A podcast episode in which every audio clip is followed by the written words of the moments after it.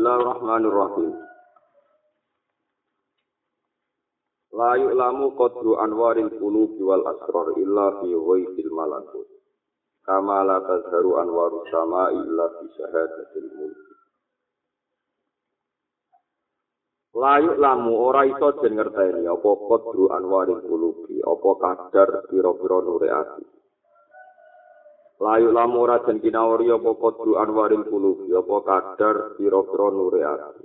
Cahayane wal asrori lan pira-pira sirine utawa rahasia-rahasiane ati.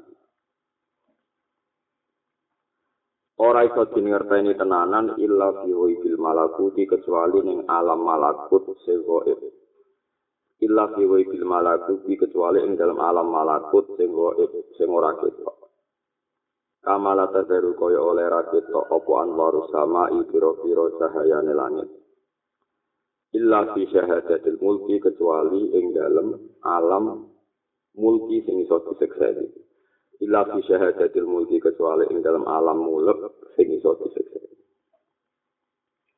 Jadi mau jadi istilah yang disepakati ulama hakikat alam sing ora tersentuh ambek indra ini jenenge alam nopo? Malakut sing tersentuh ambek indra jenenge alam nopo mulki alam nopo mulki Nah, Nabi Ibrahim ini pun muka syafa, maka disebut wa kada lika nuri Ibrahim malakutas sama. Dan Nabi Muhammad Shallallahu Alaihi Wasallam ini pun nanti ngerti alam nopo malakut. Ini pun nanti dimero. Alam malakut tangguh kita disebut alam sing ibun anak. Dianggap alam yang tidak tersentuh oleh kita. Alam mulki tersentuh. Nah, ambane ilmu tentang tauhid. Jadi misalnya wonten yang tentunya ilmu tauhid itu dhuwur, pengetahuan itu dhuwur. Iku ning dunya rapati roh akeh kecuali engko ning akhirat.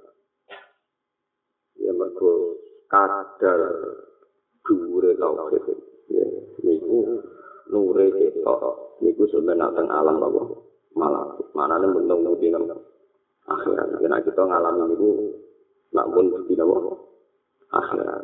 Nah alam mulki kaya srengenge iku iso padang ning alam mulki. Lah sebenarnya nurut tauhid atau anwaru tauhid iku iso padang ning alam nopo? Malakut. alam malakut sanggep ae kados alam akhirat.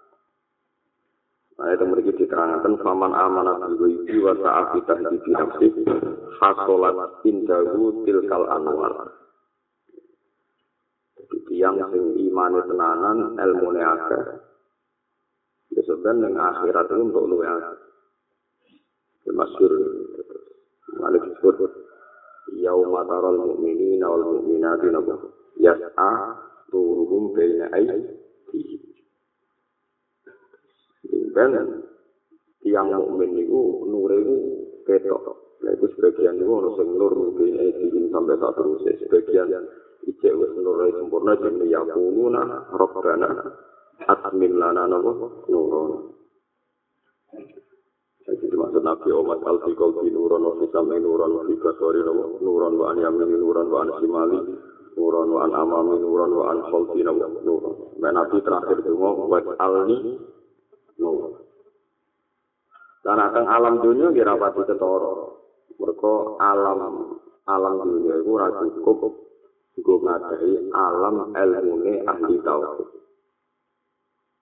Sing tetap jinten dan alam apa malah. Jadi ini dewe lama ini sumber itu wong ketok nure tauhid. Iku roh kadar sama sini ngenteni teng alam akhirat. Alam malakut sing kok. Lah ada te Allah Subhanahu wa taala angger iso ditingali ning akhirat. Iku berarti kanggo para nabi khusus iku dikai hak zaman pengen. Lengen itu mau kau ulama, kalau kalian malah angger kanggo wong akeh sing ngenteni akhirat. Iku nak kanggo nabi, iku zaman tentunya mau dikai hak akses. Misalnya ningali Allah, ningali Allah wong mukmin ngenteni tentu akhirat. Tapi Nabi Muhammad mau bersani Allah zaman tentunya dunia. Ini zaman peristiwa Nuh alam malakut wong mukmin ngeteni akhirat nabi ibrahim zaman ke sugeng wis ngertekno wa gaza dikanuri Ibrahim mamalaku tas sama. Suwargo sampai rasane suwargo yang ngenteni mati. Rokok yang ngenteni mati. Tapi kan Nabi zaman merok yang pun laku-laku dulu suwargo, yang pun laku-laku ningali nopo. Kemana alam-alam itu sumber kita ngenteni roh hakikote ilmu tauhid ngenteni alam-alam. Ini jenis disebut nopo.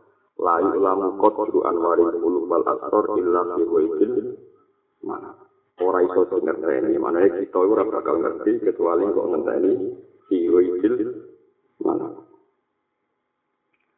wujudan samara tikto ati ajilan bersa idul amin. Biwujudil jazai alaiha wujudan samara tikto ati utawi metui. Hajile doa dua itu wujudan sama roti doa utawi metui. Iro iro dua itu uang tok dua itu ajilan yang dalam saiki maksudnya saiki disegerakan mana saja ajil ajil barang yang saiki ini mulai darahnya wong kesusu wong kok ajil saiki terus tengko yang Quran mangkana yuri sul ajilata ajalna lahu fiha ma nasa'u liman nurid ajil di mana? Ajilan tidak yang dalam saya wujudan sama roti to'ati utawi metui piro-piro dua itu ajilan yang dalam saya iku basa irul amilina iku basa irul amilina iku jadi basiro itu jadi bisaroh jadi bonuse piro-piro wong sing lakoni amal apik. Wong taat kok ning donya terus keramat. Iku ora kok jate akhirat dikurangi mergo donya keramat boten, tapi itu sebagai bahasa Idul Amin sebagai pembuka atau pengerti nak bentuk bisyarah untuk sesenengan diwujudil jaza iklawan anane diwales. Alaiha yang atas itu adat ajilan yang dalam waktu sumber ajilan yang dalam waktu sumber Wasalin malene wujudan sama roti to'at utawi metu ikro pro hasil to'at ajilan yang dalam saya. Iku basa itu amin. Iku jadi bisaroh kanggo tiang-tiang yang ngelakoni. Nganggo bisaroh ngekei pengertian berita tafsir. Biwujud di jaja iklawan anane diwales. Alih yang atasnya to'at to'at ajilan yang dalam sumber. Terus wonten wali-wali, wonten para ulama, rata-rata ning dunya ya keramat. Nak panjang ini cek wali tenan ikhlas tenan, ramah-ramah ning dunya iku basa idul amin sebagai besar nak sok ben ning akhirat ya diwala. Ora kok bisara ning dunya dadi wala ini teng akhir. Paham? Jadi tambah jadi pengertian nak diwala dunya berarti sampeyan ya diwala. Ini sing kadang tiang-tiang disebut itu sing rondo rapati cocok sampai tiang-tiang tasawuf jadi brand terus.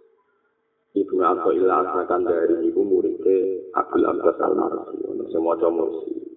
Abdul Abbas Al Mursi ini muridnya Abdul Hasan Al Asyadi Mulane layu rohku kot drutori kot usajiliyah illa nutori ibni Abdullah asalkan dari.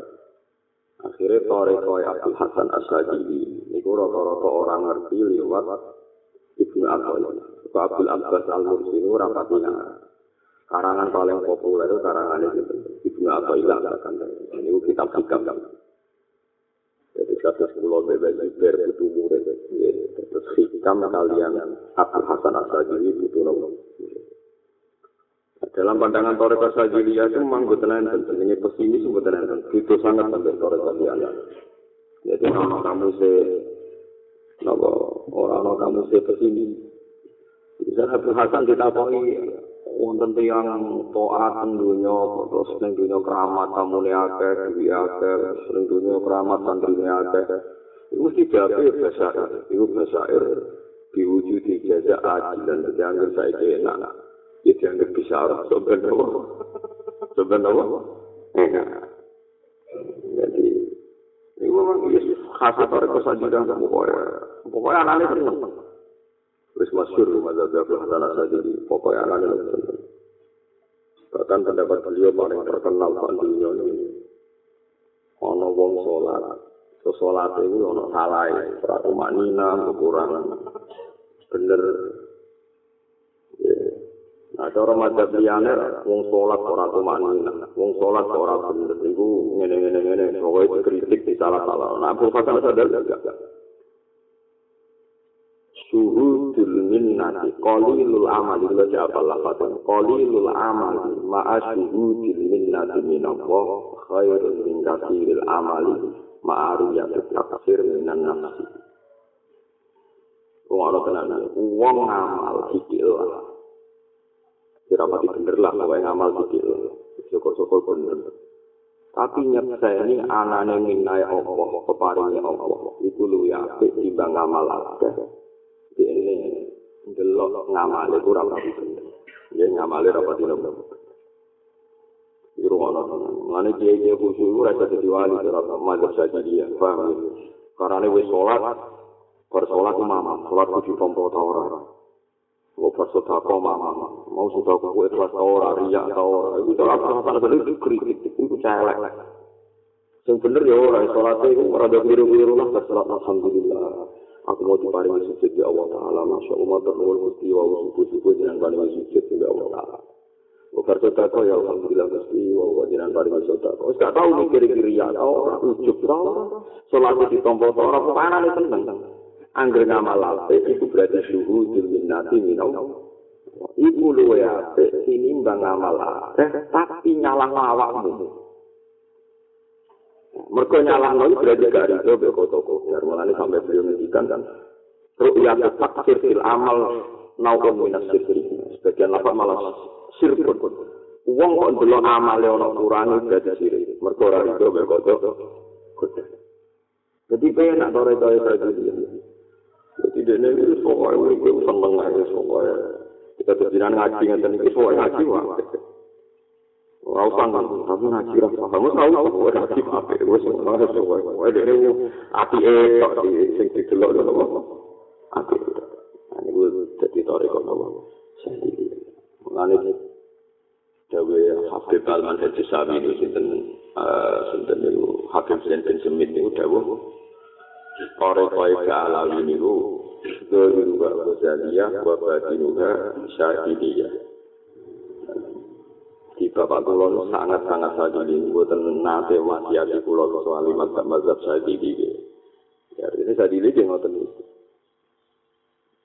Paham ya terus tapi nak sebagian tiang cara pandang ngamal akeh ning dunya kok mulai ana wales dunya iku kuatir walesan dunya iku ganggu walesan ning nopo tapi nak temu iki mboten. Dadi nak ana wong ning taat kok amale akeh kok entuk? Wales ning dunya iku jare basa irul amilina. Biwujuh til jazai alaiha napa? Ajila ya dadi pena dadi iki wong gedeng wali utawa ki gedhe rapate oleh. Ya perkara ne anger ning dunya keramat dianggap ning akhirat. Tambah keramat. Mergo sing ning dunya iku mau bisa mau ngekek ngerti kuwi Tapi aja mbok mafhum khulafa, nak ning donya lara iku ya mau ngekek ngerti ning akhirat kowe. ya ya lara nang ora usah ngono. Senengane kok mafhum khulafa. Ya wong ning kene ora ono ngono, soe ora ono ngono-ngono nan kowe. Ora di mafhum ya, ora usah apa. Di mafhum. Jadi khas khas madhab ya. Yang lainnya tidak seperti ini, madhab lainnya tidak. Di antara khas khas madhab sadilia itu, umume wong ibadah iku ora ngerti taksir iku ora apik. Sawangane sopan. Ya rata-rata ulama nggih ngoten ngger bar salat iku evaluasi ditampa ta ora bar sedekah ditampa ta ora salatku bener ta ora. Nah cara wajib juga dikritik. Oleh merasukur orang lain tuh ditetir tidak sholat kayak bira-bira mau sholat subuh. Masih ambil ongat pangkep kue ditetir banyak orang ditetir tidak sholat Kulo ini sangat sadili, kadang nganti rapati sholat kopi ya. Jadi kulo nang gerbar sholat itu eling terus subuh mau eling. Nggak usah malu ya eling, jam songo ya eling. Eling terus ya Allah, kulo kok jenang tebir sholat. Eling terus nanti ke sholat dua, ber sholat dua ini ya rapati sholat kopi ya, berarti ya. Tapi kulo elek salah, kulo lah ngakoni salah. Tapi eling terus rasanya sholat itu eling nganti asar. Lah aku kan ora, rasane salat gak eling baleni nabi nabi baleni. Lha wong diparingi ora tau rasa eling. Lha iku elek cara cara kesal dia apa? Ana sama nih niru aku, kecuali orang pati sholat sunan. Aku rasanya sholat ini udah eling nanti saya istiqbal. Iku cara cara kalau apa? Saya tidak eling terus. Jadi eling kalau misalnya nanti sudah kok eling terus ya Allah, jangan nanti maringi kalau sudah kok, wah eling terus. Itu cara cara saya dia terus qalilul amali ma'a syuhudil minnati minallah khairun min min kasiril amali ma'a ru'yati taqsir minan nafsi. Jadi si amal sing kuwe nyekseni peparinge Allah hidayah Allah luwe apik tinimbang amal akeh tapi kicek ngevaluasi ana taksir. Banyak rumah saku ya kurang ajar tenan, kurang ajar tenan. Cara aku bener kabur Hasan Sadali. Misalnya tak contohno, Rohin, Rohin tak kayak duit saya ketemu. Terus kebutuhannya Rohin satu seket. Tak beli ya, Rohin tak kayak saya ketemu kebutuhannya satu seket. Iku apik sing langsung muni matur nuwun, matur nuwun Gus kayak saya ketemu. Oh, so weneng. Pokoke sementing seneng kok saya ketemu. Ambek Rohin sok cerdas ini, wah sayang mau saya ketemu butuhku. Ini kan aku. Kaya dua, dua saya ketemu rano artinya mergo butuhe. satu set. Nah bodoh. Allah saiki maringi bahak sholat subuh. Subuh tok misalnya orang badia. Orang kopiah misalnya. Allah maringi aku sholat duhur tok. Orang kopiah orang badia. Terus aku yang terus. Maturun kuci jenan paringi sholat duhur. Kemudian maturun diparingi Allah sholat. Sholat wajib. Timbang gue muni sok. Suci terus ini jadi ini. Ya Allah jenan maringi sholat duhur. sayang Gusti wong kok dia dia penting buat jenengan paringi lho kan terus kok ditaruh ning ngono iku sayang butuh ke satu saya kok jenengan paringi mau sayang Gusti jenengan lagi kula mau salat duhur kok mboten kok beliah mboten dia sesuai kok mboten jenengan paringi alim sesuai jenengan kan akhirnya kakean penjaluan Mana kena seputu rasa jalan pinter, akhirnya aku setuju. Cara-cara kita dilihat, bukan anaknya maturun aku setuju. Oh, no, yo khas, khas sama temen apa? Dan ini. Misalnya di juga, satu khas khas itu nggak terima, cara dia nih cek suku, sama nih. Berarti matur, sah, mana bujuk kulo sudah sini. Ini ini sebenarnya di bujuk, ono bujuk sekarang berapa penting, ono bujuk nih, kira-kira aku itu apa? Bujuk. Cara bola kuri. bojo kula minggat mlayu kuwi. Kuwi sing syukur pro bojo bojo gak lumpuh, ora ora lumpuh ora iso mlayu iku wis pokoke didilingi iku. Aku syukur di bojo minggat berarti apa iso mlayu. Lalu kan misalnya di bojo iso minggat mergo lumpuh piye? Enggak sih, alhamdulillah. Apa yang ini? Alhamdulillah. Ini cara kau nopo. Bapak ini cerita di santri bujurnya melayu, minggat minggat tuh masa wah hebat. Tuh bisa minggat orang nganti lupa nih ngomong gak minggat nggak ngelot. Terus eleng nanti kok kita apa minggat tuh nanti minggat tuh kok gue langsung teng omai wong tuan ya pinter gue nganti reso minggat lumpuh itu Ini semua paham ya tadi gitu. Kena orang sebut ini minggat, berarti bukti gak lumpuh. Orang usah boleh. Ono minggat berarti bukti gak seneng, gak seneng berarti gak harmonis. Ah repot. Cara-cara kata dilihat gak melebu, itu gak melebu. Minggat berarti bukti sehat. Baru Tapi kalau kata, Mana kalau ada saat ini syukur, ngeleng mau ngomong itu dibujuk, ini suci. Ngerteko keng Yogyakarta nek ora bojo kok bojo urip ora usah bae ono disambut ngene ora usah alhamdulillah jeneng eh ora salat subuh sowan nang salat subuh Mau turu ya seneng kok cek turu. Kok misalnya rontok loro, kak Fir'aun bujuku loro barang. So, ngono tuh, kok ada sekali ibu. Kok nak nanti kak loro, rak mirip sama. Fir'aun. Ngono terus. Udah wamuk tenan. Wamuk sadali masyur. Gak seneng. Bila sampai sini wong ngeluh. Terus Ono wong cerita wonten tiyang taat kateng donya mun enak ngene iki jare beliau masyhur ilka bahasa irul amilin. Lah oleh putu murid diterangno napa?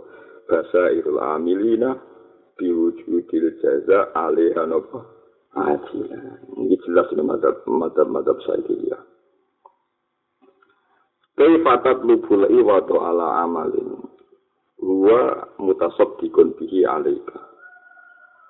Ini sing wajib sampai napa loh. Ini kulo kulo lu paling zaman ngaji hikam kalian Mbah Mun niku paling eling-eling ya niki madzhab niki madzhab madzhab niki. Kaifa tatlubul iwadu ala amali. Sing huwa mutasaddiqun bihi alaika. Am kaifa tatlubul jazaa ala sidqin sing huwa yumtihi ilaika. Kefa hale kaya apa tatlubu golek sira al iwado ing gendine amal utawa opahe amal. Iwat nemri manane opah. Kowe golek opah ala amalin ing atase amal. Sing gua kang uti Allah taala iku mutasaddiqun iku zat sing maringi sedekah bihi lan amal ale kae atase sira. Kowe kok nuntut opah ning Allah. Mergo kowe nglakoni ngamal sing hakikate amal iku Allah nyedakoi ning kowe kowe iso ngamal iku. Cek eleke kowe. Amkai fauna ta khali kaya apa? Tatrubu gole isiro al jaza ang tiwalese amal ala sitkin ing atase kebenerane amal. Sing gua kang te Allah iku muhdi maringi hadiah sapa Allah. Ilai kamaring sira. Ngono kok apa lo ngono jenengan apa selamat dunia akhirat tenan paham ya? Apa lo tengah Jadi ikhlas itu bisa dilatih. Mulane ono wong kok muni darah ikhlas angel lu ya goblok cara madzhab Hasan Sadali. Ikhlas itu gampang nganggo tekem waras ya ikhlas e gampang. Iro ono dari Abdul Hasan Sadali sing saniki ditiru murid murid ini. Iya lah, kowe kok iso nuntut opah Iwat masjid mriki opah. Kowe kok nuntut opah ning Allah piye? Kowe iso ngamal iku kersane Allah. Saiki kowe iso zakat iku ya duwike Allah. Kowe iso salat ya mergo hidayah Allah. Bareng Allah wis maringi kowe iso salat, Allah mbok tuntut maringi opae salat. Iku kowe nuntut jaluk napa suwar? Kok iso wong amale yo sangka Allah kersane Allah bareng Allah maringi amal mbok tuntut ngekeki iwat. Ngekeki napa? Iwat manane pengganti utawa. Ayo aneh. Jadi gampang, ada ikhlas itu gampang. Jadi kata sekolah ngerti ini misalnya. Misalnya pulau kecelok wong alim, lu ilmu kulo kersane Allah. Aku iso ngalim diparingi Allah. Iso gelem mulang ning para santri ya kersane Allah. Kok bareng aku mulang nuntut Allah supaya ngopai mulang kulo. Aku iso mulang iso kok hadiah Allah. Bareng wis mulang jaluk. Oh, pada wong kok aneh ngono. Goblok kok nganti ngono. Jadi itu ngeten iki contoh contoh fisik kulo nyontokno bolak-balik. Ya ruhen tak kayak duit sak miliar terus. Kan iki duit sak miliar gue dagang. Bareng duit sak miliar tinggal dagang, batu jadi telung miliar. Bareng jadi telung miliar, terus yang semuanya kulo. Gus, kulo bisnis itu sukses, sak miliar jadi telung miliar. Maka kamu harus memberi saya lagi tiga miliar sebagai bentuk hadiah. Mergo aku bisnisnya sukses. Bocah kok gendeng nih ngono, wong iso di duit telung miliar kok duitku sak miliar. Bareng sukses malah nuntut mana jaluk telung miliar sebagai hadiah ini. Sukses. Nah ini saya tak takoi. Sama ini saya zakat ngambil duit itu. Allah. Duit gerintit sodako, hidayah yang ngisi Allah. Bareng wis kasil zakat, kasil sodako, Allah buat tuntut. Gusti, ojo mari bisa zakat to, to saupain di. Iku gebet to. Sama ini saya sholat kersane sapa? Allah. Gelem ngaji ya kersane Allah. Bareng bisa sholat nuntut ya Allah, budi opai sholat budi. Iku mulane ditakono kaifa, kaifa ku aneh. Mosok kowe njaluk opah ambek amal sing Allah ngekeki dadi amal iku ning kowe. Paham sih kalau maksudnya? Ayo mulane ku aneh. Wong kok ngono, wong kok. Paham sih kalau maksudnya? Jadi kan aku pengen latihan ikhlas sih ngoten. Misalnya kayak jadi wong alim mulang, mulang santri-santri sing raiso salam template, raiso ngekei seneng kue, yo eling ae. Aku ngalim ku ilmu saking Allah. Iso mulang ya kersane Allah. Aku zakat duwe ya duwe Allah. Ditetir kepengen zakat ya sing gerakno Allah. Saiki ya wis zakat ya wis alhamdulillah. Iku madzhab Abdul Hasan apa asadari. Terus ya semua niku. Iki kalau mau sarai sing cerita murid cerita niku apa? Iku walidalika saudara al-mu'allif radhiyallahu anhu bikaifa li juga kami dari kalwasi. Kolal wasiti dawa sama niku sing mentengah-tengah. Kolal wasiti radhiyallahu anhu mutalabatul a'wad ala ta'at min nisyanil fadli. mutalabatul a'wadi utawi golek opah alat taat ing atase taat iku min nisyanil fadli sangka lali fadle Allah sangka lali fadle jadi misalnya kata sekolah nanti ini sebagai wong alim diparingi mulan Wis eling terus matur nuwun Gusti jenengan paringi mulang. Matur nuwun Gusti jenengan paringi salat. Wis ngono nak aku eling fadole Allah. Eling anugerah Allah diparingi salat, diparingi mulang. Lah anak aku wong geblek Gusti, wong pun salat lho jenengan opahi. Wong pun mulang lho jenengan opahi. Lu wong ilmuku sangka Allah, iso salat sangka Allah bareng wis salat nuntut.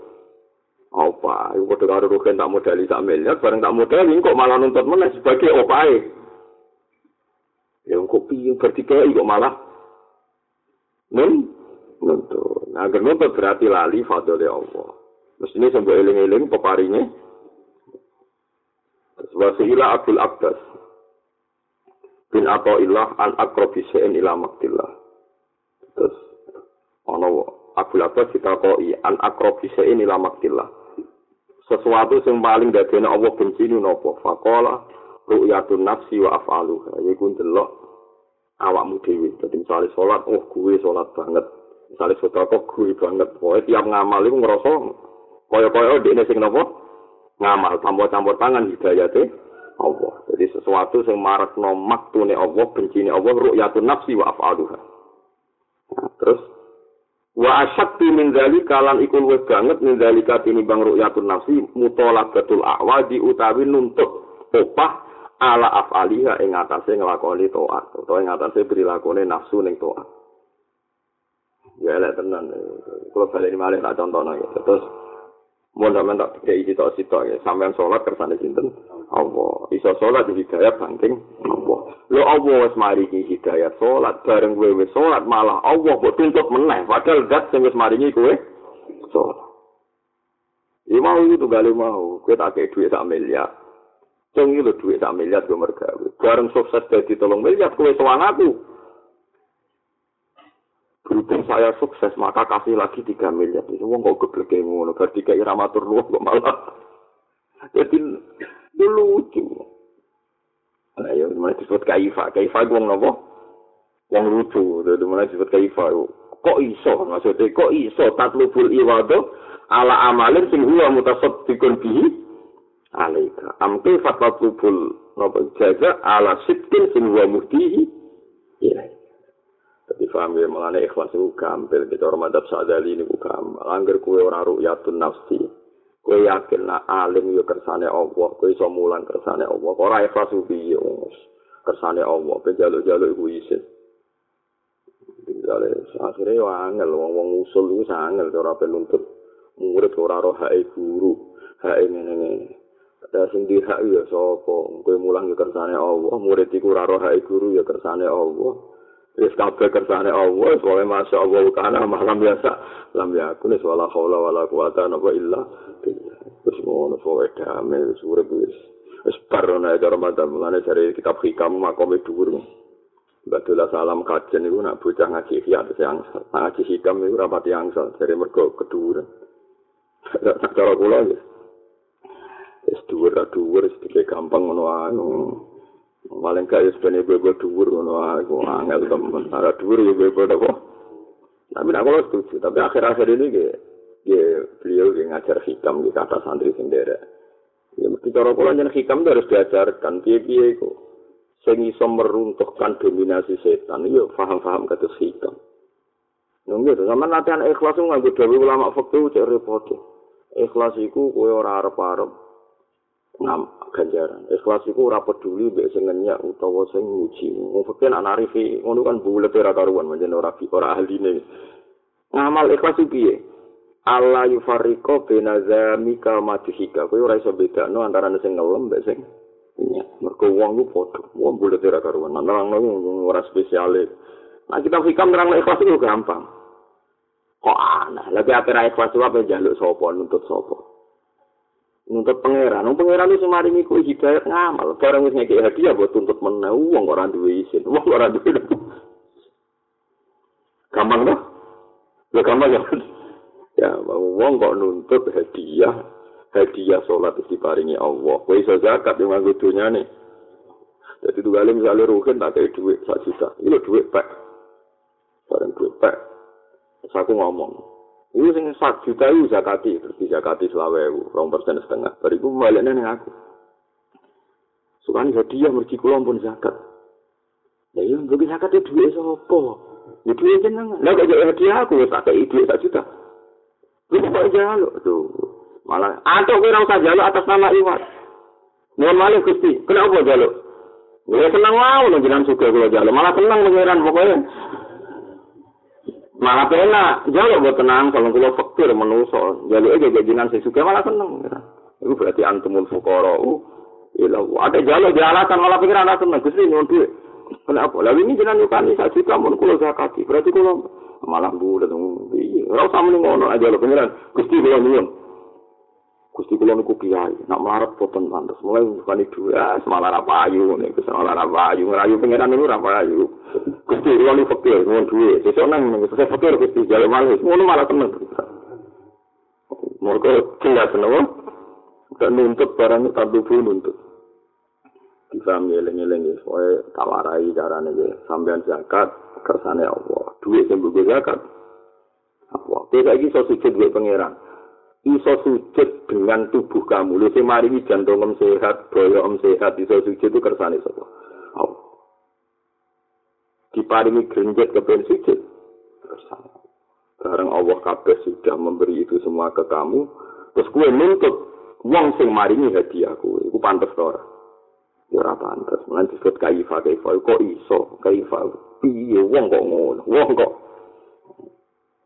Paham ya, terus ini jelas ya. Kaifa tatlubul aywado ala amalin sing huwa mutasok dikondihi alaika. Mosok ke nuntut wal sing amal sing Allah maringi hadiah ning kuwe terus sedekah ning kuwe. Lengi-lengi. Ane terus ngomong tasawuf kata sulam taufik darani sebagai wong yakin minallah wa ilallah. Yakin hidayah minallah. Saiki nak di duwe misalnya tiga sedekah ya ilallah.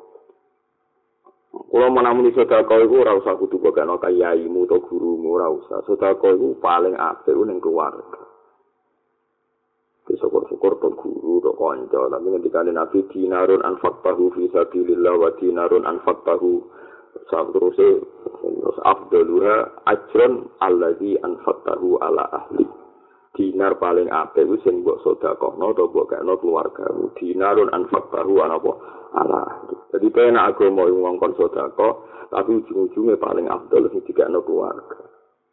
Kau agar keluarga sehat ya Islam saat dunia nopo sehat. Nah, ya selalu nakama dari fikun mereka tanya kue Muhammad na infak tiga no sopo kulma anfaktum min khairin jifalil walide wal akrobi Jadi uang panitia masjid itu repot. Jadi, oh, apa nih masjid ganjaran ini, ini, ini. Ada ganjaran, terus aku nih uang tua. Nggak pengurus tamir itu saya seruwet. Sampai orang tuanya keren, sampai masjid seneng. Dari masjid dikagain, orang tuanya ora. Nah, Quran itu orang wabil masjid di ikhsana. Sebenarnya wabil wali ke ini nabo. Ikhsana. Mana ada wah. Masjid itu anggar kena sujud. Kesusinya api ya wes. Mana api teman-teman ini min asrotis. Sah. Namanya fatwa ini gak populer. malah dia mau uang orang seneng siar masjid. Bar saya bisa repot selesai padahal dia seneng siar mereka lagi pengurus tamir. Akhirnya isin nama masjid elek mereka pengurus lagi dek nah dia ini serap pengurus soal tarian masjid. Norak narik kok ngeliat orang di urusan deh uang ya ya bodoh iya sepuluh dia ini seneng masjid apa mereka lagi pengurus tamir. Nah seorang ya rapati semangat. Kita asli ini kita Eling-eling ya, jadi caranya ikhlas niku, kue yakin amal iku minau, minau. Kaumun tasbiku anwaruhum askarohum, wa kaumun tasbiku askaruhum anwarohum. Kalau kalian ini kaumun tasbiku anwaruhum askarohum, wa kaumun tasbiku askaruhum anwarohum, wa kaumun tatasawa askaruhum wa anwaruhum, wa kaumun la askaro wa la anwaro. Na'udhu billahi min dalik. Zakirun zakaro. Lias tani roki kolbu. Ya fakana zakiro. Wa zakirun istana rokolbu fakana zakiro. Lawal ladhi istawat askaruhu wa anwaru. Faki zikri yahdadi wa binurihi yahdadi. Kaumun utawi para wong bener. utawi para ahli tasawuf utawa para wong ahli hakikat iku kaum iku kaum Tasbiku kang disii apa anwaruhum pira-pira nure kaum disii askarohum ing dikire kaum. Jadi nure kuwi ana. Wis berhubung dene nure ana wis ngerti-ngerti ling pangeran terus. Rasa ana sing marahi. Rasa istighosah sama kali eling pangeran terus. Rasa ana sing eling nang dimene eling pangeran terus. Rasa rasa dipetai iki rasa apa dipetai wa kaum nan yono kaum tasbiku kang disi opo aswaruhum opo zikire kaum disi anwaruhum ing nure kaum terus tiang-tiang istighosa ngoten niku. Ilinge pangeran niku metai nek seling pangeran lagi duwe nur. Dadi zikir sik lagi duwe nur. Eh tapi nak waline pangeran sing dipilih pangeran duwe nur sik lagi nopo zikir. Supaya nak dipandu pangeran. Jadi kemana kaya kue melaku melaku bareng peteng terus waduh kok gak gue sorot? Terus mulai jibuk sorot. Lah itu makom tiang tiang amatir paham lah nak tiang tiang di sana pengiran oh rajin peteng rap peteng pengiran sama nih sorot terus tenang tuh jadi di sini nuri bareng ono peteng ya orang orang tanya peteng gue sana nuri ngalor gitu gue nur nggak takoi ampun ingat beriku peteng peteng yang dirarong kemudian itu sana ono nuri Dadi kok terus wong alim-alim wis para pangeran. Tak kok zaman wis rusak ngene ngene ngene ngene. Rusak ini ndi? Wong baru kaya dene mulang untuk opah kok pangeran baru kaya mulang untuk hidayat wis. Tapi saat ini dunia pun rusak ngene ngene. Lah rusak ini ndi? Wong alim begane ngaji bariku ape turu ya eling pangeran. Ya ma wa ku uta wala junubi. Wis. Kok misalnya roh maksiat ya langsung istighfar ning pangeran. Dadi anane nur tok. Dadi wong alim sing parek nur kaya wong gaduke iku ana sorote. Kaya tiang-tiang sing mlaku-mlaku tukang golek kodhok ngono. Gaduke dikai napa? Dikai sorot. Ah, bareng wis gawa sorot moro sawah-sawah ditakoki. Aja liwat kono peteng, lha mesti takoki petenge ning ndi, nek gawa sorot ngalor. Itu. Eh, kira-kira kaya ngono iku. Mulane wong umur iku wong ngalor niku, dadi ora peteng e dhewe. Mulane karo wong alim sing wis usul wali-wali abdal sak niki atus sing urip kata. Nabi Khidir kita seurah cara buat ceritanya. Dunia itu rusak ini, dia tak kok rusak yang ini, dia neroy orang yang rusak. Ngalor mitul betul apa? No. Nah, misalnya roh yang maksiat, misalnya roh copet tamalim, lu wong wali-wali roh malik roh copet itu dengan ini. Alhamdulillah alladzi afani mimma tala kabi. Alhamdulillah aku ora dicoba kaya kuwe. Jadi pertama ini ya alhamdulillah Ana tenan teng satu sih ana wong saleh ngerti wong nakal wak muni apa Alhamdulillah kok aku ora dicoba ngene iku. Lah dene lagi peteng ning ndi wong ora apa wae dadi padang. Paham ya? Lah peteng ning ndi wong ora tau roh. Peteng anane apa?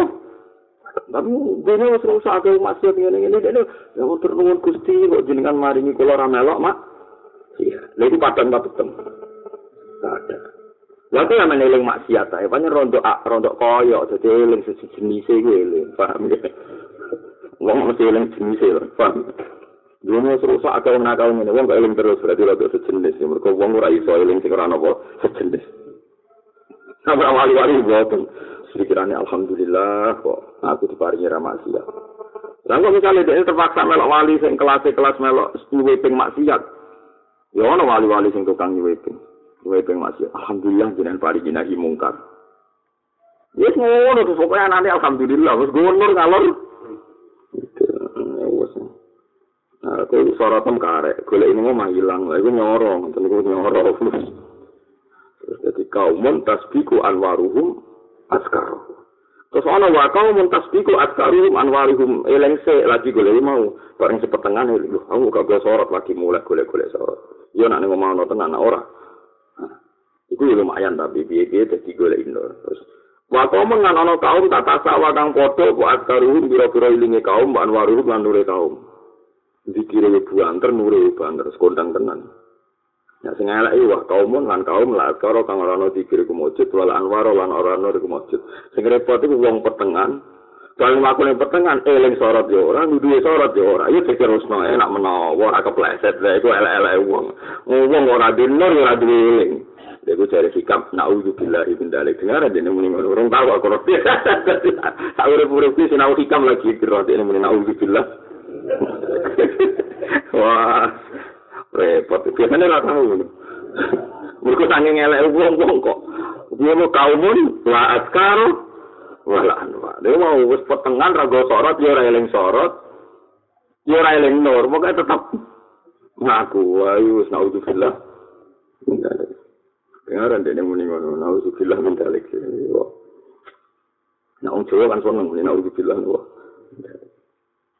Boleh ku udah terus eling-eling. Terus aniki cerita malih. Zakirun zakaro liat bani rokok. Zakirun udah sebagian wong apik iku ana sing eling pangeran. Iki cara cara tenggene ilmu nahu niku musaweke iku letan we. Letan we iku mas mubtada nakiro. Carane sah dadi mubtada ana musawek. Musaweke iku letan we. Yen apa li taksum to ana letan we. Zakirun utawi manusa sing apik iku ana wong sing eling pangeran. Zakar kang eling sapa zakir dia tani ro supaya dadi padang di iklan zikir apa kol duwa apa atine wong ya ana wong eling pangeran ben atine padang. Yo fakana zakir ana yo dianggep wong sing eling. Fakana moko ana sapa wong ku yo dianggep wong sing eling pangeran yo ana wa zakir nang wong eling pangeran istana ro kang dadi padang apa kol duwa apa atine zakir. Yo fakana zakir ya lumayan ya dianggep nopo? Zikir. Jadi kue zikir padangnya ati yo dianggep zikir Dikir jenenge ngeling pangeran dianggap dikir. Tapi ana nang sing waladi lan wong istawat kang padha kok askaru pira-pira zikire wong wa anwaru lan pira-pira sinare wong. Zikire yo banter, anware yo banter. Zikire yo banter, nure yo banter. Karena iku fakir zikri mongko kelawan ilinge wong. Ilinge wong ning Allah ya dadi untuk hidayat sapa wong. Wa binurihi lan kelawan nure wong. Nure wong sing diparingi Allah maksudnya. Yak tadi iso iktidak iso manut.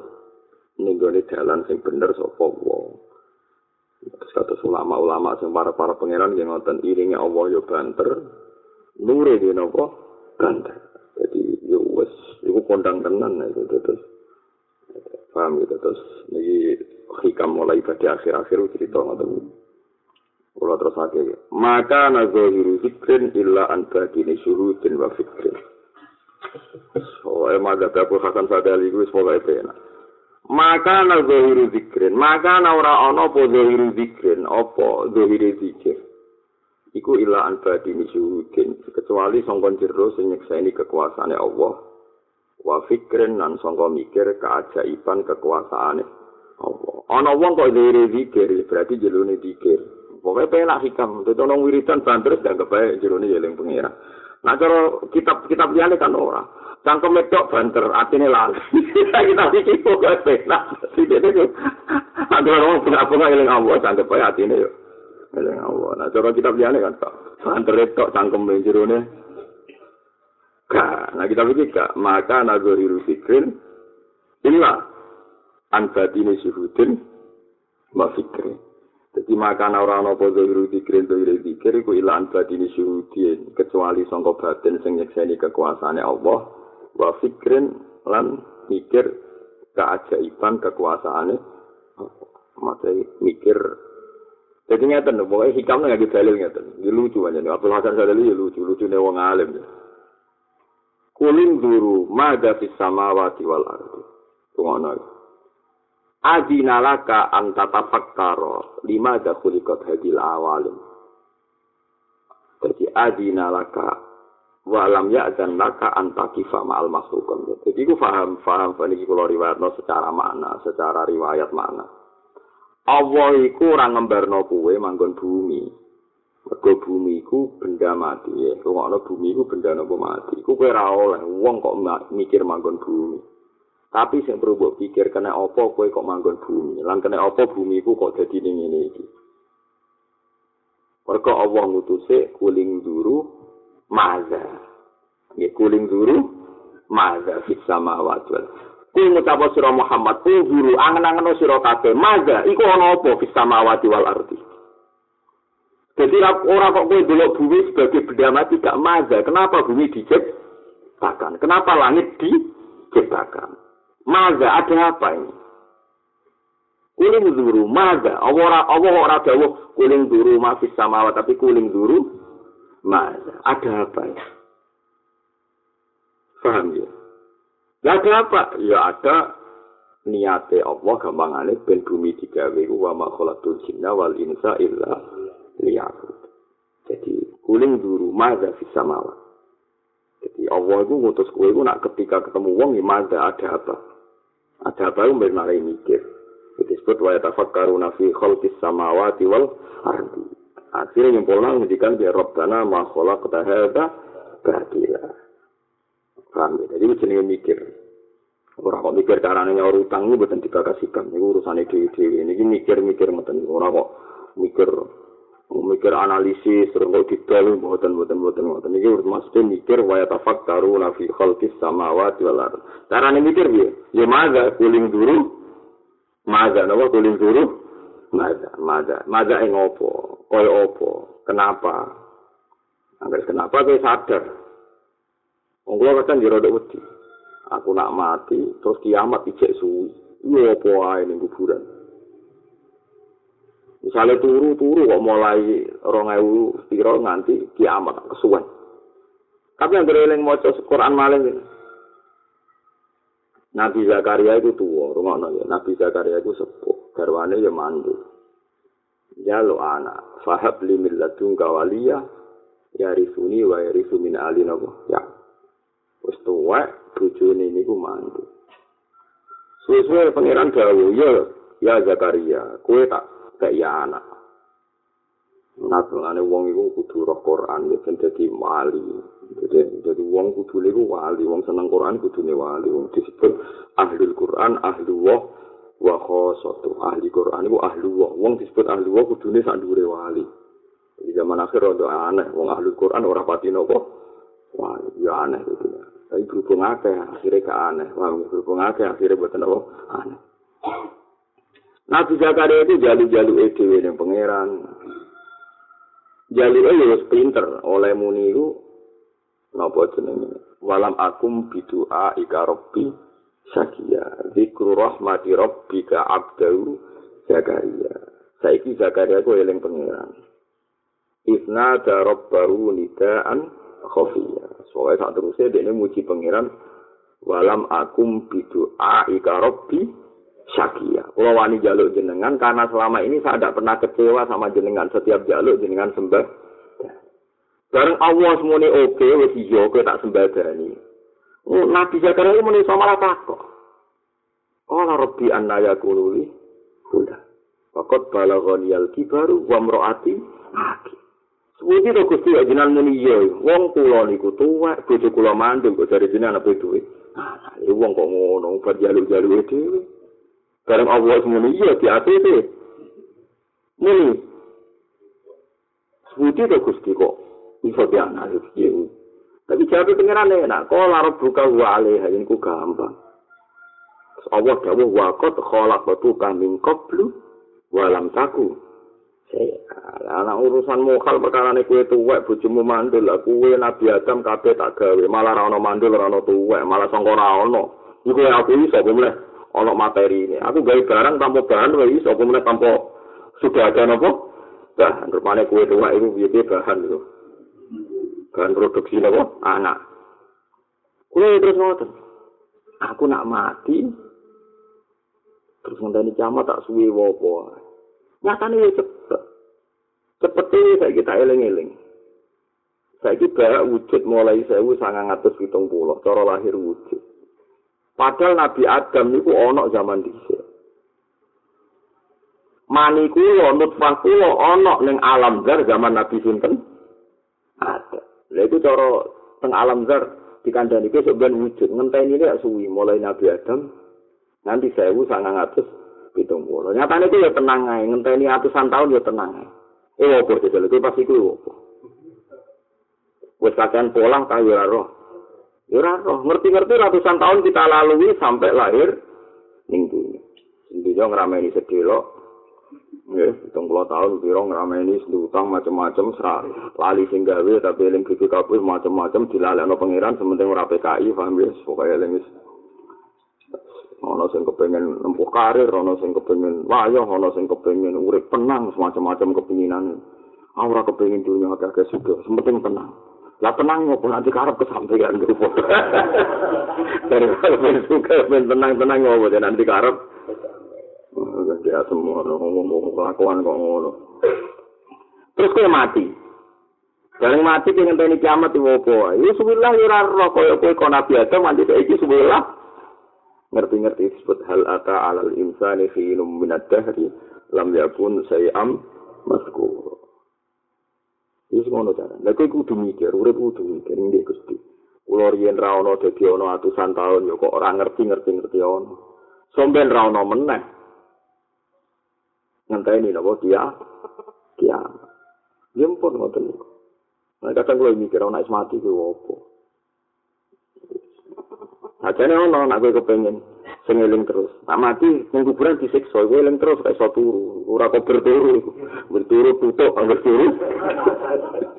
Iku eling wae ku malah nyora. Jare wong saleh kan ora. Bar takoki mung karena angker kon turu iki wis bae. Kon turu. Suwe ne turu kok. Wis sing turu wis.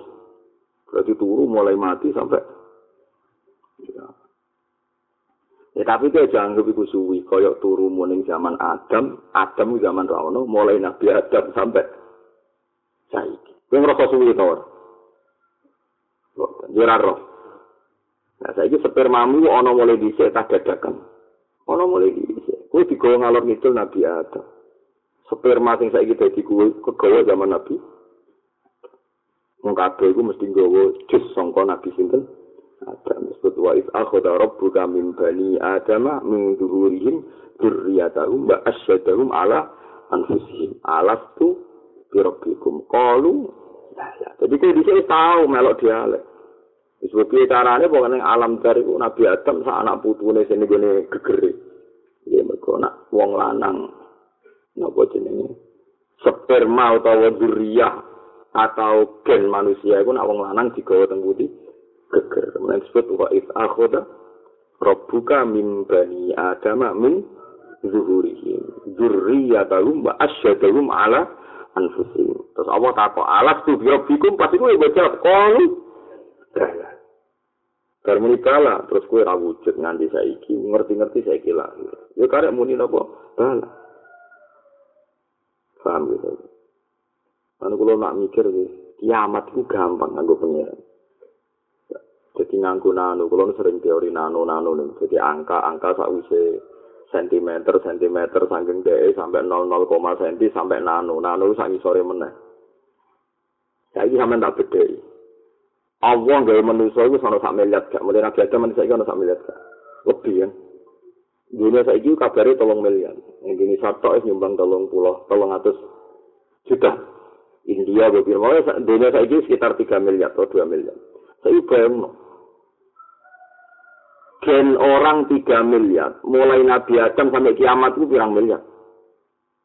Semua gen itu Mbak Allah dipadatkan ning Nabi Adam. Jadi Nabi Adam sitok itu nggawa gen anak putune minhu sangka Nabi Adam ila yaumil.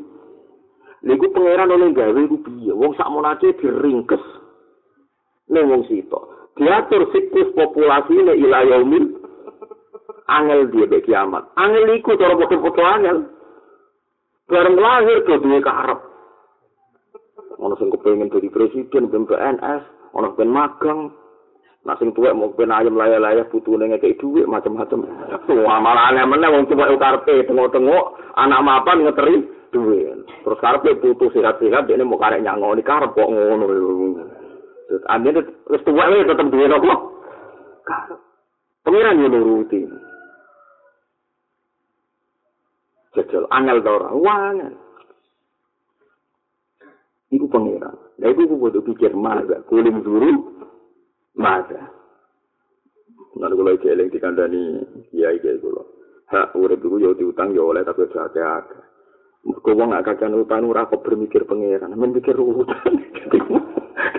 Ora mbok pikir utuh soal utang wajib nyaur. Mbok pikir dadi ya Allah antuk mungkot perkara amen mikir apa? Utang. Mana utang itu jaga ada. Salih sak kulo ya mau sepuluh juta lah, rong pulau lah. Nah saruhin ya rong atau sewu. Pokoknya sing kira-kira kuat nyaut. Pokoknya utang sing kira-kira. Kalau sing duit sak miliar diutangnya ya sak miliar satu. Kalau sing rong miliar ya rong miliar rong atus. Pokoknya kira-kira itu Ijek kuat nawa. Kowe nak mbok terus-terus ora kok bermikir pangeran, kok bermikir nawa. Celeng-eleng ya dadi alamat wong apik ku mikir. Maksudnya mikir wa wa yatafakkaruna fi khalqis samawati wal ardh. Utawi sekian ayat tafakur bi kuling zuru mahda, nggih kuling zuru mahda. Mahda iku ana apa fis samawati wal ardh. Ona wis ana kabeh ben nyimpul wa ma khalaqul jinna wal insa illa liya'budun. Kawan nyimpul rabbana ma khalaqta hadza. Dan terus kalau terang lagi. Ashadaka min qabli ayyastasydaka. Ashadaka maringi kesaksian sapa Allah Ta'ala ka ing sira. Allah maringi kuwe itu duwe kesaksian sing apik. Min qabli ayyastasydaka. Sedurunge njaluk saksi sapa Allah ka ing sira. Allah itu maringi kuwe beberapa perangkat sing dadekno kuwe iku nyekseni kekuasaane Allah. Ra wis penak. Fala tokot mongko ngucap bi ilahiyatihi kelawan peng, kepengeranane Allah. Fala tokot mongko ngucap bi ilahiyatihi kelawan kepengeranane Allah. Apa azwairu pira-pira alam dohir. Nah, itu nak kue urip ning dunya. Ora njaluk kepengin nyekseni Allah, wong kowe geblek kepengin urip terus mangan turu mangan turu. Lho kowe ora njaluk iso nyekseni Allah, ngerti-ngerti disediakno sarana Allah sing dadekno kowe eling Allah. Itu jenenge asyhadaka min qabli ayat tas kita. Fana papat mongko ngucap bi ilahiyatihi iklan kepangeranane Allah apa aja iru pira-pira barang sing ketok. Wa tahak kokot lan dadi nyata bi ahadiyatihi kan keesaane Allah apa al-qulubu pira-pira ati wasara iru lan pira-pira sirri pira-pira sari roh rahasiane ati. Kowe nyatane ilinge Allah, Allah Gusti kula paringi mlebu swarga, Gusti kula lindungi saking neraka. Lah kowe munamuni Gusti iku bukti apa? Bukti njaluk Allah. Kowe njaluk Allah tok, berarti kowe bukti ngesakno Allah Subhanahu wa taala. Mane kena njaluk, ora usah ambisi disembadani. Kowe njaluk njaluk Allah iku paling gak jadi bukti kowe ngesakno Allah Subhanahu wa taala. Nyatane sing mbok njaluk namung Allah. Itu disebut wa tahaqqaqat bi ahadiyatihi al-qulubu was sarair. Nah kadang-kadang wong pikiran aku njaluk ora tau disembadani. Lho kowe muni muni njaluk Allah berarti kowe mengesahkan Allah. Nyatane sing mbok jaluki namung Allah. Jadi semua mazhab Hasan Fadali itu soalnya penak, soalnya murid gue kepenak. Kulo niku bapak kulo niku sangat-sangat sadilia. Kulo malah begitu sadilia. Akhirnya nganti ngaten iki ora jelas, ora jelas susah maksudnya. Sampai ora jelas bunga iku madzhab apa ora roh. Wong ora tau seneng iku madzhab apa. Padahal Quran jelas wa bi rahmati fa bi dzalika wal yafrahu. Wong ora tau seneng. Dadi kiai ora seneng. Dadi kiai gunane apa murid ora kae guru. Dadi bojo ora seneng. Alhamdulillah kang dadi bojo ayo. Seneng apa? Ngelamake pol mbek aku. Bar saiki. Ngono terus takut.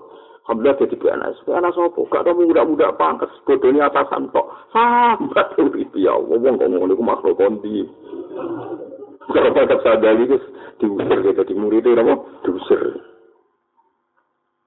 Kena arah fadale Allah. Muka-muka arah tenang. Sing ana fadale Allah. Apa? Neraka. Mana dia mohon. Iku blas iku ana apa? Fadale Allah. Fadale Allah. Penak dadi fadale Allah. Kalau kita jadi wong bodoh, alhamdulillah bodoh. Orang kena sitope wong alim. Wong aku bodoh. Cuma no aku penak. Jadi wong Arab, alhamdulillah ora kena sitop zakat, malah mustahik zakat. Nah, anak dia anak wong sudah zakat, oh kelas cek wajib zakat. Kene kelasnya mustahik.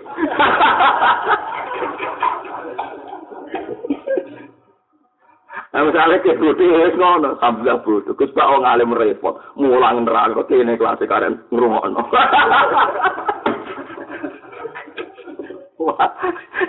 Di bar-baro mata kata iki sebenarnya, pokoknya udah begitu. Bodoh kamu ya ngono. Tenang, skono kangelan ngamuk, mikir kata-kata, mikir ngungkap, lo kere pelak, karya apa? Otakku paling muring-muring. Salah lah opo ya ada muring-muring bareng. Anggap delok orasi ilmiah. orasi ilmiah tanpa teks. No, orasi ilmiah tanpa apa? Teks. Udah seneng kok repot. Itu kulo sering takok kulo. Kulo nggak ngamuk sekali-kali bales itu. Kenapa kurang? Malah sih dia malah seneng. Orang geruang untuk pidato ini Akhirnya saya iso ngamuk. Baru kayak kulo motor itu saya kira iso ngamuk.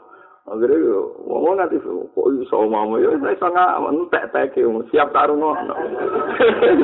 Tapi tapi ora bojo ngamuk kok yo ngamuk. Akhirnya kan saring berlomba caranya memenangkan pengamuan. Akhirnya orasi, ora barbar. Orasi kok lawan mbek napa? ora sih urung ana se dianalisis bariku ora ora ngono paham we malah sadali ku pena ana salat kok salat ku ditombo to ora pira-pira kok ditektir salat alhamdulillah ngono mantap sadali mana masyur kabeh ulama ku madzhab sadili tengah hati. Tapi saat ini mau angker muni madhab toreko terus wiridan. Ini buatan maksudnya nak cara ulama madhab ora urusan wiridan. Ini urusan cara pandang terhadap suluk. Tapi saat ini zaman akhir angker muni melok toreko mana nih yuk di BA terus mau coba wiridan tertentu. Tapi ya apik di bangko sampean wiridan yo ora suluk ora utang kasus iyo lah itu repot. Tapi kira rasa ngeluh, itu rahmat. Uang seutang ya uang hebat, kreatif. Uang wong ditetir iso nyakin wong liya percaya kuwi ya hebat. hebat. Wah, hebat lho, Kang. Iku ilmune ya angel. Ada wong liya percaya iku butuh metode, butuh apa. Ini anggap aja ya hebat. Ini apa? Hebat. Sing utang ya hebat. Wong duit juga wong kok oleh, itu ya wong hebat. Foto hebat. sama takut. Lan akhirnya iso nyaur Gus. Wah iku yo mbok ora roh iku. Dadi cara Hasan Sadali iku serono, dia ngeluh, dia mantap. Bahkan dalam mazhab dia beliau nanti ngendikan, ora ana sesuatu paling mangkel no setan. Koyok farohil mukmin, kados farohil mukmin. Jadi ora ana barang sing mangkel setan min farohil mukmin dibanding senenge wong mukmin. Setan ini nak mukmin seneng terus mirip kecewa. Mergo wong seneng ku parek berido kodok kodare pangeran. Wong nak wis susah parek ambek suhtun ora seneng ning kodok kodar. Mulane cerita khase wali piye ala inna auliya Allahi la khaufun alaihim wala hum yahzanun. Khase wali ku gak susah. Kok wong nak susah iku ruwet. Wong kok eling bojo ngamuk eto, eling rakona eto. Yo paling yo kowe kowe eling sebagai wong lanang sempurna mergo keceluk duwe bojo. Senajan to yo ngoten niku. Wis ngono ae, pokoke lapo pun alaihi malahu. Aku cek eling bapak ngerti lapori santri bojo kula nu wangsul iki tenggene omahe ngene. Mulai masuk sing sehat bojo. Kula nanti sabtu kerasa. Itu mau apa itu? Uang tidak ada Sama ngomong apa celaka baru tahu malah dijawab. Ya kenapa malah beneran kalabur pada cara pikiranku. Paling kalau tak lapor aku, lah bojo minggat. Paling tak jawab. Sehat bojomu kok minggat. Berarti orang sep. Tadi kan minggat di SMS. Tuh mati, tuh mas. Alhamdulillah. Ono ngawang-ngawang, bojo minggat malah ras bermarah ini, ini, ini, wong lanang ini, ini, ini, ini. Berarti bojomu cerdas. Iso mendefinisikan wong lanang apik mbek ora. Wong lanang sing elek iku sing iso biaya ibu kok pinter kowe kok roh definisi wong lanang apik mbek elek. Iki kudu cerdas kok ngeluh paham wong kok pinter ngono. Iso gawe definisi. Wong lanang ngene lho masih iso ngikuti ngene ngene Mesti kayak bilang, pinter, kayak uang pakar seminar. Roh, roh, nek yang bisa ngapain, kayak di sini, elek. Dan kalau kayak di sini, idiot. Orang roh, hati-hati elek, elek. Milih ndi? Milih sing roh kok ora roh. Nanti kandhani itu ora nurun. Milih sing roh. Mulane ilmu sing akeh, paham ya? Wes pokoke ngono, terus ada sadi iki pokoke ya sono, pokoke dene ku milih wapi itu. Tadi kita sampai nyebut malah akromaka bikaromatin salasin. akromaka bikaromatin salasin. Iki masyur ya, tenggir kitab Jami'ul Usul ya jamiul usulil aulia. Biasanya di gamel toreko toreko teng Habib Lutfi teng ini beberapa toreko ini termasuk masyur makalnya Abdul Hasan Asadari wa toriku naksabandiyah min toriki kada wa kada wa qadariyah min tariqil hunyah terus wa tariqus syadiliyah min tariqi Abdul Abbas Al-Marsi au min tariqi Ibnu Athaillah napa as sakandari. Terus rata-rata yang sadiliyah hakikate yo hikam iki Abdul Hasan Asadi boten ngarang kitab yang mengabadikan makalah-makalah itu muridnya sini Abdul Abbas Al-Marsi ini Al-Mursi ini terus muridnya sing abadekno masyhur teng Indonesia kitab napa tiga Terus ana wong berlebihan darane mazhab atau iya. Mazhab nopo? Atau iya. Mergo sing aran hikam niki Ibnu Athaillah. Ya sak niku cara kula ora pas, mesti pas iki hikam ya mbak ninduk nopo? Sadili.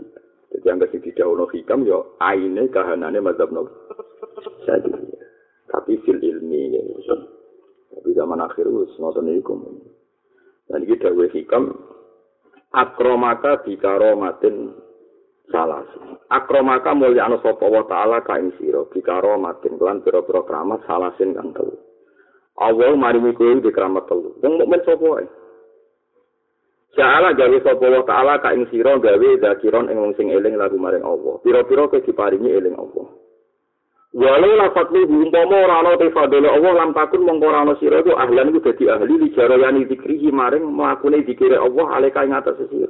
Kowe sing syukur, pira-pira koyo kowe diparingi eling Allah. Senajan to eling perkara Allah bali katno nyaur utang, tapi piye kan eling Allah. Umpama ora ana padane Allah, ora bakal diketir eling. Oh, dadi pokoke ora ana cara macam sadali, tapi carane eling salah, carane salat salah ora sih eling ngono pokoke dene kok. Semua mau dhewe kok niku pokoke. Mau itu geman, kayak misalnya di bucu Melayu, matur kabur khasana saat mesti dijawab ngono. Melayu dong, sehat dong.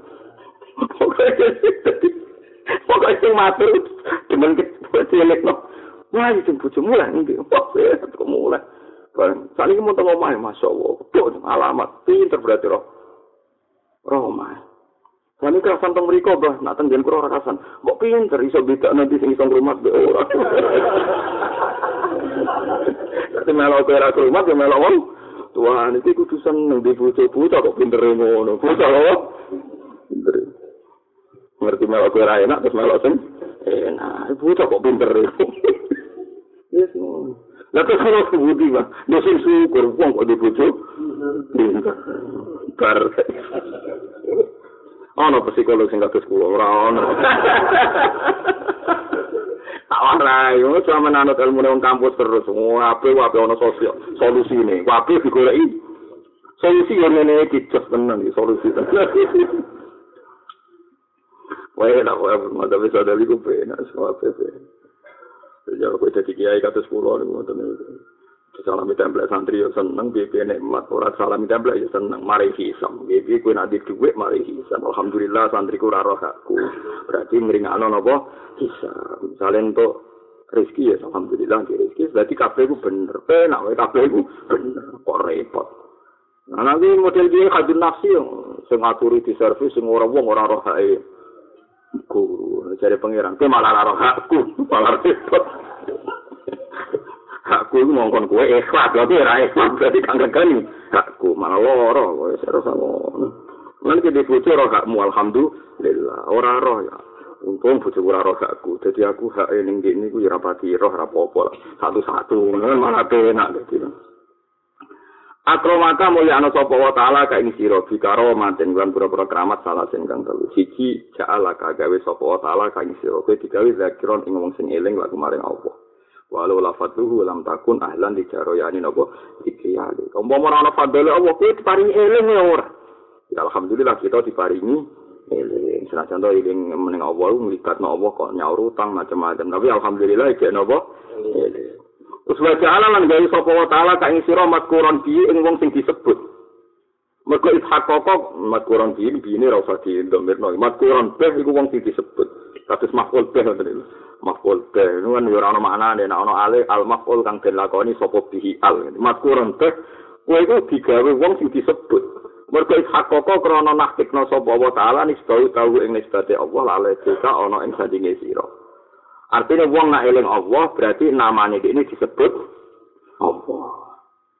Mereka fatkuruni askurkum mereka nyebut Allah ya namam disebut Allah. Wes apa elek ngene lah. Kalau nyebut Allah ya namam disebut kepenak. Berarti ke populer ning langit itu populer. Mereka nama disebut. Senajan to diterang nopo ora kasusnya ora roh pokoknya disebut.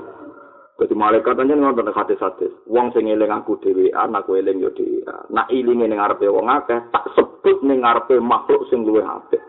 Sekali kados kula nganten iki nyebut Allah teng mriki. Sing ngaji misale 20. Allah nyebut jeneng kula teng langit. Jumlah ya 20 sing luwih apik. Ora kaya kuwe-kuwe ngene iki disebut sing luwih apik.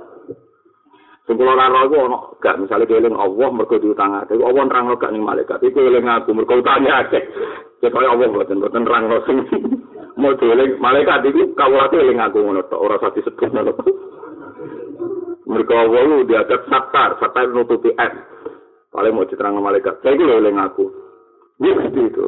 Akhirnya direspon. Paham ya?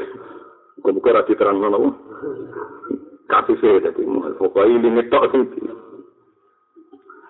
Wa ja'ala lan gawe sapa wa ta'ala ka ing sira matkuron ing wong sing disebut indahu ana ing sandinge Allah. Gara-gara kuwe nyebut Allah, akhirnya kuwe disebut Allah. Lah wong kok mulyane ngono, kuwe disebut presiden bangga. Cara ana kiai gede terus kuwe sowan. Terus jare kancane sing rasuwan. Pak Yai mau nyebut aku terus, iya takok kuwe. Alhamdulillah jadi takokno Pak Yai. Mungkin mau takut anak kiai seneng merakaruan. Iki kayak disebut Allah. Kodang gak? Jadi jawab lah kodang dong. Oh, ndoro kowe di kiai gede to kenal bupati, gubernur, kancamu sowan terus takok jeneng. Mak bangga. Iya takok aku. Iya. Takok sampean ngono. Wah. Alhamdulillah jadi eling-eling kiai. Wih, kira terima kiai kang sing eling dhewe Allah. Kodang gak? Kok kodang? Sepati nak kodang ya mau, ngibat eling apa ya benda.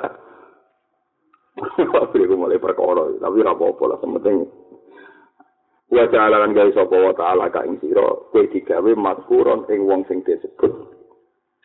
Indahu ana ing kersane Allah taala. Ya indahu ana ing kersane Allah taala. Nah, sause ling iku kabeh fatam mama mongko nyempurnakno sapa Allah taala nikmatahu ing nikmate Allah taala alaika ing atas sisi. Mun kula maca sarai nggih, masih kula kebut. Kula niku mergi butuh tenan niku napa. Kula maca sarai. Akrama wa ta'ala abdul mukmin bisa lasi karomatin. Jama'a lahu fiha kullal mafakhir. Jama'a kang ngumpulna sapa ta'ala lahu fiha kullal mafakhir ing semua kebanggaan wal mahamid lan pira-pira pujian. Dadi wong mukmin kudu mafakhir. Mafakhir maknane kudu napa, Bang? Bangga iki mazhab Syadziliyah. Acara bejo wong bangga ku elek sing apik wong tawadhu. Tapi nek cara mazhab Hasan Fadali, wong sing apik napa? Mafakhir bangga. Oh saya ada ada liku pena wong kudu pede kudu mafakhir mafakhir mana no? Bangga. Awal wayu kaunuhu zakiran nahu. Jadi ditektir eling Allah bi an ajro zikrahu ala qalbi wa lisan wa min aina lahu dzalik wa bi ayi wasilatin lah. Lala fadlullahi wa karam. Wong kok nganti eling Allah. Lho niku iso apa kok nganti eling Allah? Nganti eling Allah berarti mergo fadlile Allah wa kaunuhu matkuran bade ini gelingnya fayuqalu hadza abdu wa waliyu wa safiyu wa mukhtaru. Wa dzalika bima akramahu wa ta'ala min tahqiqi nisbati ilaihi wa ya isbatul khusyal. Maksud kowe eling Allah ambek malaikat-malaikat dikomentari hadza abdu wa iki kawulane Allah tenan kok ilinge Allah. Wa waliyu iku waline Allah tenan, wa safiyu iku pilihane Allah tenan, wa mukhtaru wong sing dipilih Allah. Wong sak dunya ku melihatan wong garak tok piro.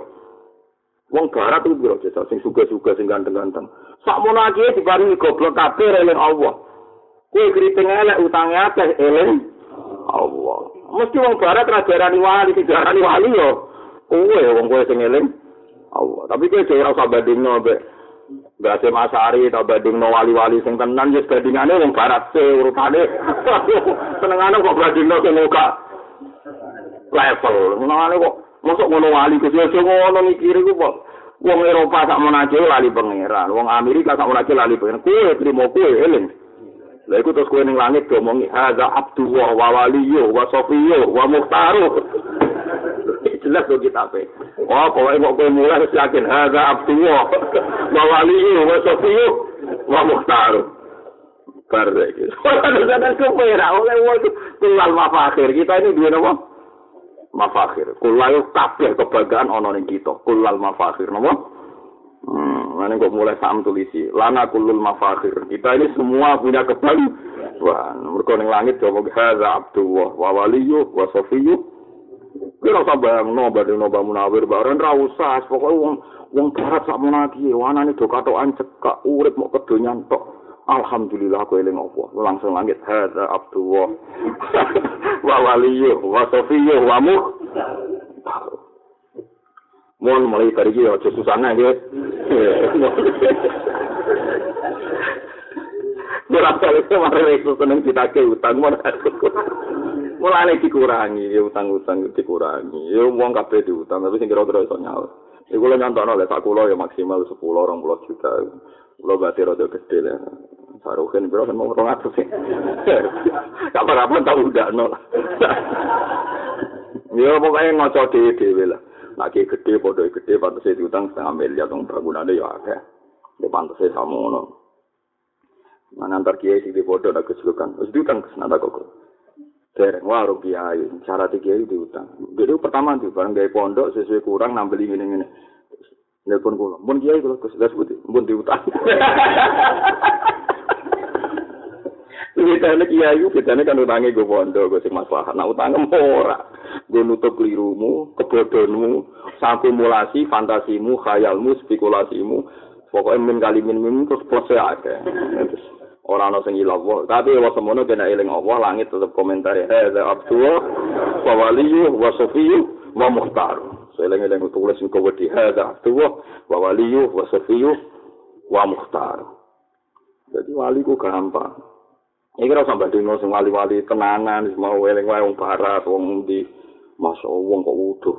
Gak roh aurat terus Masya Allah Alhamdulillah ora ono wong ra salat ning dalan wis penggaweane kelabing. Alhamdulillah kurang ngono. Berarti hada Abdullah wa waliyyu wa safiyyu wa muhtar wa dzalika bima aqrawa ta'ala min tahqiqi nisbati wa isbatul khususiyah wa qad taqaddama ma'na khususiyah mun eling-eling wa salisuha qauluhu mazkurun inda anane wong nek eling Allah iku dekne ya disebut ning sisi Allah. Wong kok disebut Allah, wong disebut kiai ini bangga mergo kiai ini eling. Disebut gubernur ya bangga mergo kowe dikonco gubernur. Eling. Saiki disebut Allah. Wa hadhihi ya ghayatul ikram. Wa hadhihi ya ghayatul ikram puncak dari kehormatan wa muntahal fadli wal in'am. Lan klimaks sangka fadhile Allah lan nikmate Allah. Mau jelas ya. Wa hadhihi ghayatul ikram wa muntahal fadli wal inna. Wong kok gagahe ngono, wong kok moyane. Mana kula dari kiai itu pede, mereka kula sangat-sangat fadilia. Sangat-sangat fadilia. Nah, tiang-tiang Jawa kan, aku ngiyai ora mesti ikhlas, aku ngamal ya ora mesti ikhlas. Semua aku wedi, tak ngamal ora ditompo. Jadi macam sadeli ra usum, ra usum ngono-ngono kok. Wal ngamal ya alhamdulillah. Permulang ya alhamdulillah, bar ngaji alhamdulillah disebut langit. Ghayatul ikram wa muntahal fadli wal ina. Jadi kudu bangga. Wis bojoku ora gelem nyebut jeneng kula. Allah sing nyebut jeneng. Wong kok kondange ngono. Wong kok kondange ngono. Wa ya ghayatul ikram wa muntahal fadl. Wis tanggaku gak ngakoni aku lah. Sing ngakoni aku Allah iku jenenge wayatul ikram wa muntahal fadli wal in'am. Mane kula sering wiridan alhamdulillah. Napa muntahal ilmi wa mablaghar sirta wa zinatal arsy. Dadi wong kudu gagah, wong kok eling Allah. Muling Allah, eling Allah muntahal ilmi. Entek-entekane ilmu eling Allah. Alhamdulillah muntahal ilm wa mablaghar ridho. Dhuwur-dhuwur ridho eling Allah. Alhamdulillah bil al mizan wa muntahal ilm wa mablaghar gitu. Terus wa zinatal arsi. Alhamdulillah jadi pepaya si aras. Termasuk piye sekarang jadi pepaya si aras gara-gara disebut nang budi aras. Menawa malaikat hamalatul arsi ben kenal kuwe gara-gara Allah menyebut kuwe sapa to iku. Dadi dene kepengen kenal dhewe kuwe. Ojo Israel tok sing kenal. Perkara iku. Jadi dieling-eling pangeran eling-eling tak kiri. Ghayatul ikram wa muntahal fadli wal in'am. Qala Allah Ta'ala wala zikru wahi akbar. Utawi wala eling Allah ning kuwe ku akbaru luwih gedhe. Kila maknahu zikru wahi akbaru akbaru min zikril abdilil lillah. Allah nyebut kuwe ku luwih akbar tinimbang kuwe eling Allah. Wong kok disebut Allah. Wis jelas ghayatul ikram wa muntahal fadli wal enak. Pun gitu, kulo suwon iki ngaji tenan gitu, kulo suwon pun. Dunia pun kacau ngeten. Kue nak susah, iku kuatir kulo. Wong maksiat wae iso seneng. Mosok kowe wong soleh boten apa seneng. Wis kowe nak ora seneng dekati ora rido mbek kodok kotor. Jadi awal awal ra seneng nyerempet ora rido mbek kodok. Niku sirine kula niku anggere diceritani nyuwun sewu misale duwe santri rada bulet atau duwe dulur rada bulet. Kula nak diceritani ora pati krungu, ibu ora krungu. Mergo mare ngeling-eling kekurangan, eling-eling kekurangan mare ra rido mbek kodok kotor. Imam Syafi'i nak diceritani dulure bulet napa-napa nyulir ra pati dirungono. Ana sing protes. Gimana nek diceritani ngono ora rapati ngrungokno aja. Al kayyis muta'amin mutaghafil. Wong pinter wis rada micet. muta'amin rada apa? Micet. Dari al kayyis muta'amin mutaghafil. Jadi syaratnya wong pinter kudu micet sithik-sithik. Lali sithik. Jadi kula misalnya diceritani. Gus, sing ngaji jenengan ngene-ngene ngene wis. Wis beberapa krungu. Pokoke bangsa ora bener-bener gue beberapa. Lah diceritani. Sing ngaji jenengan Gus eling ngopo saiki disebut arasu. Sopo iku? Jadi kalau tak elok-elok dari Safi, al-kaya si muta'amin, muta'amin. Jadi wong pinter sing ya rada micek sithik-sithik, rada lalinan sithik-sithik. Moga jane ku mau krungu sing bulet-bulet. Ora apa perkara, lara peneliti saya kan dok. Harus dievaluasi. Ini ada apa? Rumang sare nek evaluasi masalah selesai blek keblek. Asal kayak dulu, ora bakal. Harus dianalisis akar masalahnya di mana. Lah yo tidak goblok kok gelem. Harus dianalisis akar masalahnya di mana. Terus kita urai satu-satu. Mbok kono saune ini. Nah kalau wali lagi itu lagi Apa mereka terus menyelesaikan masalah? Cara mereka ngurai masalah selesai Indonesia sudah mulai dhisik. Mulai zaman Pak Karno, pakar ekonomi sampai mengurai satu-satu. Sampai saya ini mulai mengurai satu-satu. Nyatanya ya orang-orang sing Ono bulat tambah sulit apa? Masa wali orang ceritanya ekonomi sedang lemah. Setelah sekarang lemah aja imane mbek syukure iku aneh-aneh wae. Iku wajar wali iki penak. Sekarang lemah ya syukure aneh-aneh wae ngono. Ekonomi lemah. Tujuan turun wis ora dipikir. Turun ya arep muda ya arep. Anak muda gampang tuh dulu. Kalau tidak tuh kalau tidak itu, nonton murid itu itu iwak neng pasar. Ini kadang-kadang di dua ilu tuh, kadang di tiga orang. Berhasil aku genetis itu terkenal nih. Cong tuh iwak. Walhasil mau tiga di sepuluh ribu, misalnya iwak neng pasar itu regane lima belas ribu. Kemudian wali kan jurah rego nih. Murid ya marah pisan kan nambahi ora gelem bodoh. Wong si kongkon dia ini barang kurang ya kok penak boten. Pak Yai asane kurang dadi ora entuk. Iya, largane piro sing saniki muda 15.000. Ya ora ngono gawe murah. Iya, lima belas ribu sebelah ora cukup malah gawe murah, gawe murah mana nih rasa tuku. Tapi wali itu dulu dulu itu itu. Wong kan arah kuat ya kayak murah kayak murah ya rasa. Ini melarang ini mereka kepengen tuku. Lah nak aku tuku kan murah larang.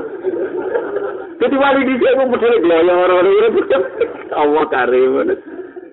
Lah saya wong kepengen jadi wali tapi nafsu nih. Tuh. Penak tuh. Beliau alam